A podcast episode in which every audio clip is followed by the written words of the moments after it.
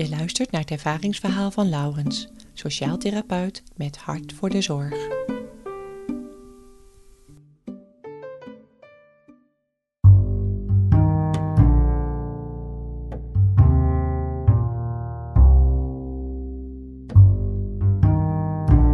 Het is de eerste dienst na mijn zomervakantie.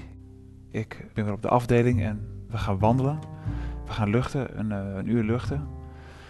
We lopen naar buiten met twee patiënten en twee collega's en we zitten buiten. Het is onder een overkapping, het is koud, het is guur.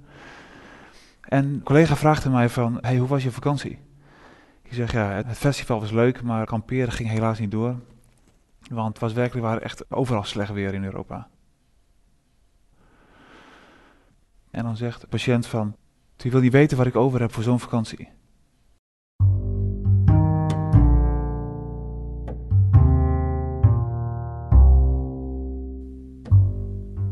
Dat, dat raakt me.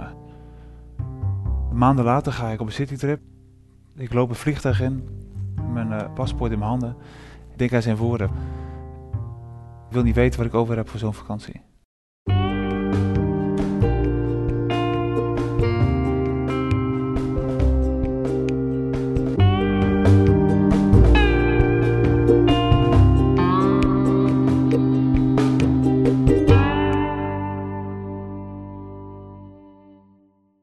De serie Niet Zozeer van Zorgdragers bestaat uit meer mooie verhalen.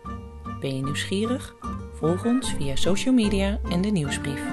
Kijk voor meer informatie op zorgdragers.nl.